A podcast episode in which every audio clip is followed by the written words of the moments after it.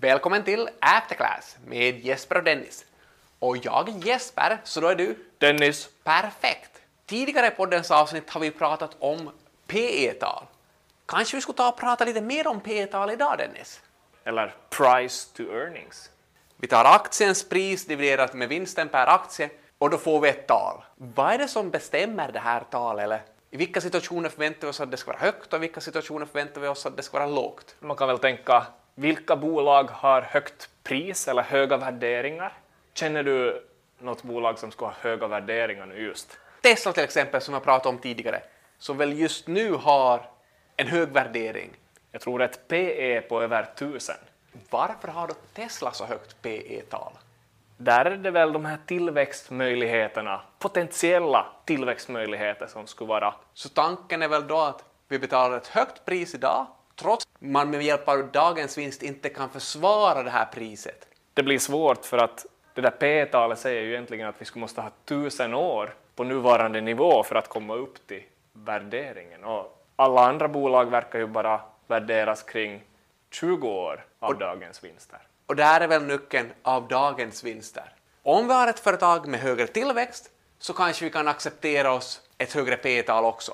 Det låter vettigt. Sen tror jag jag har en sån här tumregel som man kan värdera företag enligt också. Så man kanske inte vill ha ett P-tal som är mer än två gånger högre än den årliga tillväxten. Så om vi har en tillväxt på 15 procent så kanske vi kan tänka oss ett P-tal på 30. Men det är lite draget ur hatten så vi ska vara försiktiga med sådana här generella regler.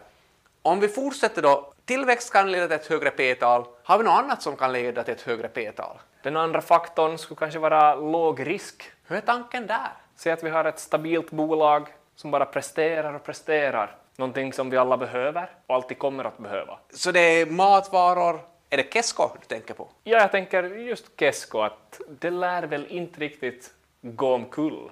Och det är väl så att investerare överlag är beredda att betala lite extra för att få ett stabilt bolag. Ja, för då kanske man kan tänka sig att mm, det kommer utdelning i en jämn takt framöver och då är man nöjd. Så det var P, P-talet överlag. Om vi då zoomar in på vad vi har nere i nämnaren här, vinsten. Kan vi göra någonting med vinsten för att få ett högre P-tal? Alltså jag har hört en grej. Det här är lite ett insidertips. Om du är ett bolag och du vill ha ett högre PE-tal, så om du hela tiden slår analytikernas förväntningar eller olika resultatmål som finns uppställda, då kommer PE-talet att gå upp. Det här relaterar kanske lite till den här stabiliteten också, att om man är ett företag som konstant slår resultat eller gör lite bättre än vad som förväntas så känns man ju som ett väldigt stabilt företag. Hur ska, vi då göra, hur hur ska ett företag då göra för att bli ett sånt här företag som förtjänar en premiumvärdering? Ja, man borde väl göra bra grejer. Om det inte är möjligt då, finns det några alternativ? Om vi inte kan göra bra grejer? Det finns snabba sätt också, snabba lösningar och då skulle man väl manipulera. Jag menar, om jag är en VD för ett företag och jag vill manipulera företagets resultat lite, vad har jag för, vad har jag för verktyg i verktygsbacken? Företag framställer ju bokslut med jämna mellanrum och där finns ju en del sådana här redovisningsregler som säger att du får påverka resultatet även om inte till exempel pengar har förflyttats. Ska vi byta ut ett ord här? Ska vi prata om styr, resultatstyrning istället för manipulering? Det där manipulera låter lite farligt nästan, illegalt. Det här skulle mer kanske vara inom lagens ramar styrning av resultat. Om man är nära att missa ett resultatmål, slutet av perioden är kommen, man kan inte göra något åt affärsverksamheten, då kanske man kan justera någon, någon liten sak i redovisningen istället. Jag tänker på avskrivningar. Skulle det inte vara en enkel värld? Så minskar på avskrivningarna lite, vilket gör att resultatet kommer upp lite. Ja, för då har man ju mindre kostnader. Det skulle vara ett perfekt sätt. Kom ihåg att vi har varnat för den här situationen tidigare. Jo, och vi som blir sån här redovisnings och finansiell ekonomiexperter genom att lyssna på den här podcasten kommer ju att lära oss att se igenom sånt här också, så att vi kan prissätta det korrekt så att säga. Vi kan genom att ändra lite på redovisningen av vårt resultat så kan vi slå, slå vissa då resultatmål. Eller en helt annan grej också kan man göra om man vill få upp resultatet. Varför inte göra lite mindre reklam eller satsa på mindre sådana här utvecklingsprojekt. Så mindre kostnader åt sånt kommer ju också att öka resultatet. Okej, så det är någon typ av resultatstyrning som påverkar den här verkliga verksamheten? Ja, då, då påverkas kassaflödena direkt och det kan ju ha en viss nackdel att göra det där för att det kommer ju också att påverka troligtvis kassaflöden i framtiden. Att om du skär ner i reklamutgifter ett år, kanske mindre kunder ser dina produkter och köper mindre av dem. Intressant tanke. Om du skulle vilja ta fram några så här forskningsbevis, så här riktigt simpla forskningsbevis. Det finns ett ganska intressant forskningspapper av ett gäng i USA. De visar ett histogram av resultat dividerat med totala tillgångar, alltså ROA. Och de visar det här histogrammet kring en referenspunkt, som till exempel noll.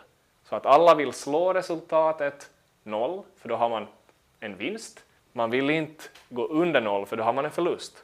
Så vet du hur det här histogrammet ser ut? Jag har mina aningar, men ta, ta och berätta för oss.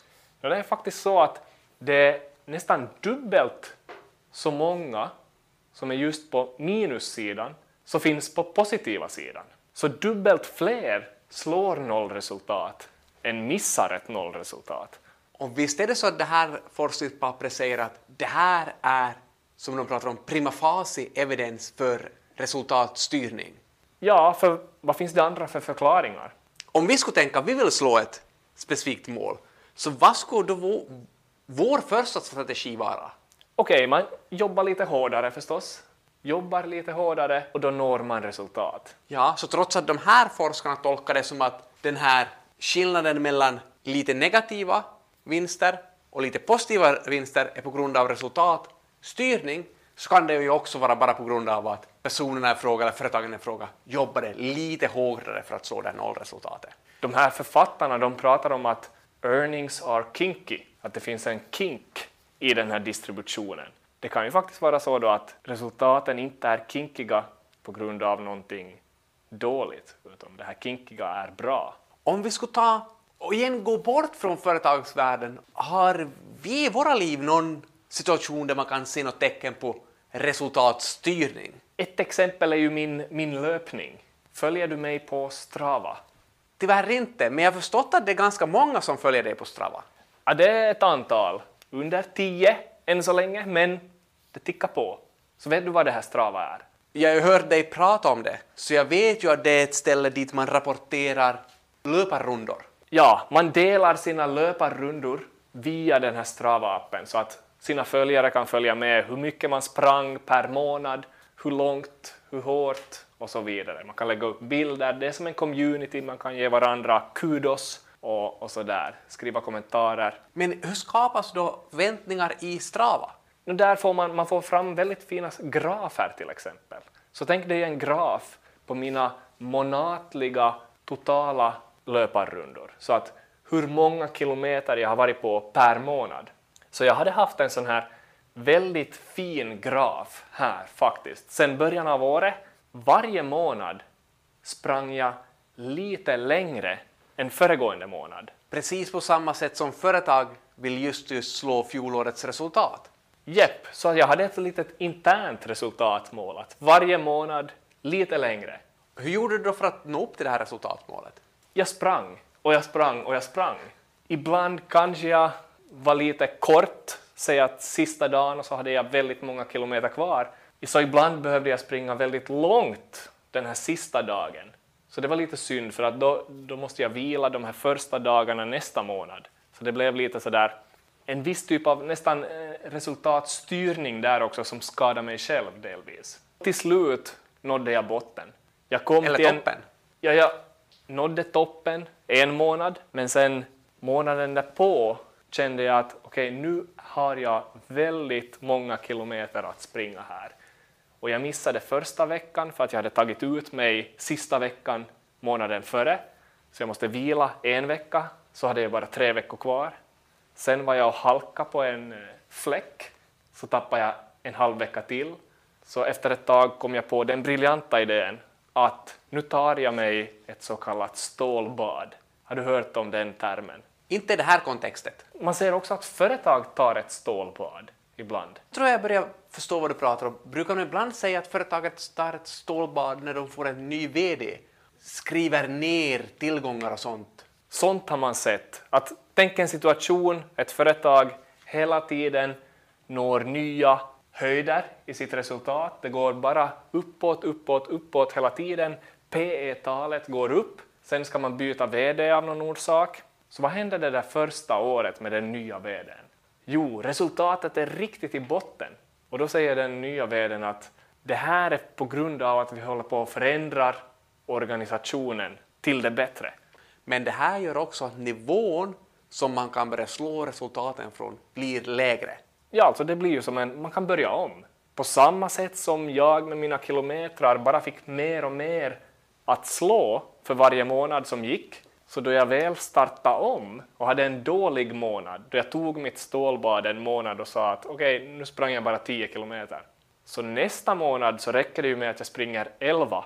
Då har jag ju också slått mitt mål. På tal om det här med löpning, så det finns också forskning som visar att vissa maratonlöpare är väldigt måna om att slå en viss tid.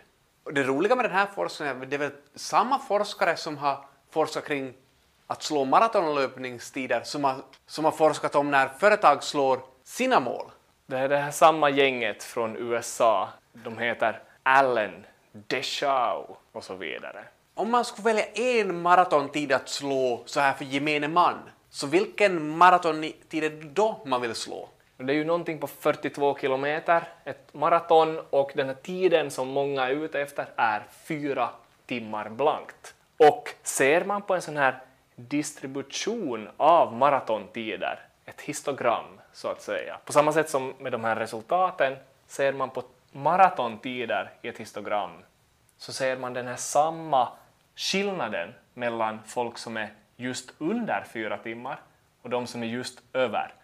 Bara att motsatt nu då, att vi har mycket fler som är just under fyra timmar och mycket mindre folk som är just över. Så att många slår maratonmål också. Ja, men det här är ju väldigt, väldigt intressant. Så är det så att författarna till den här artikeln har, någon, har något, något att säga om hur gör man för att slå ett resultatmål? No, för det första, planering. Man måste bilda sig en uppfattning om att det här är min målbild. Jag ska slå fyra timmar och så här ska jag göra det. De hade ju också en annan förklaring till hur man slår eller uppnår sitt mål. Jag ska ta det här vad de kallar det här. Det andra förklaringen kallar de att det är reference dependent effort provision near the finish line. Så det är det som vi hemma i Pedersöre kallar en, en hedlig spurt, en slutspurt. Så man planerar, sätter upp mål, jobbar hårt under hela loppet och eller spurtar på slutet.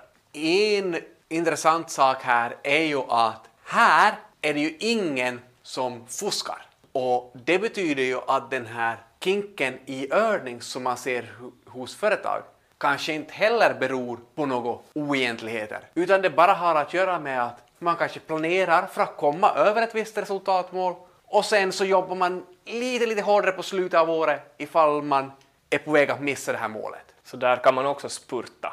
En rolig sak som också har kommit fram med den här maratonforskningen är att män mår faktiskt lite bättre av att ha mål än kvinnor.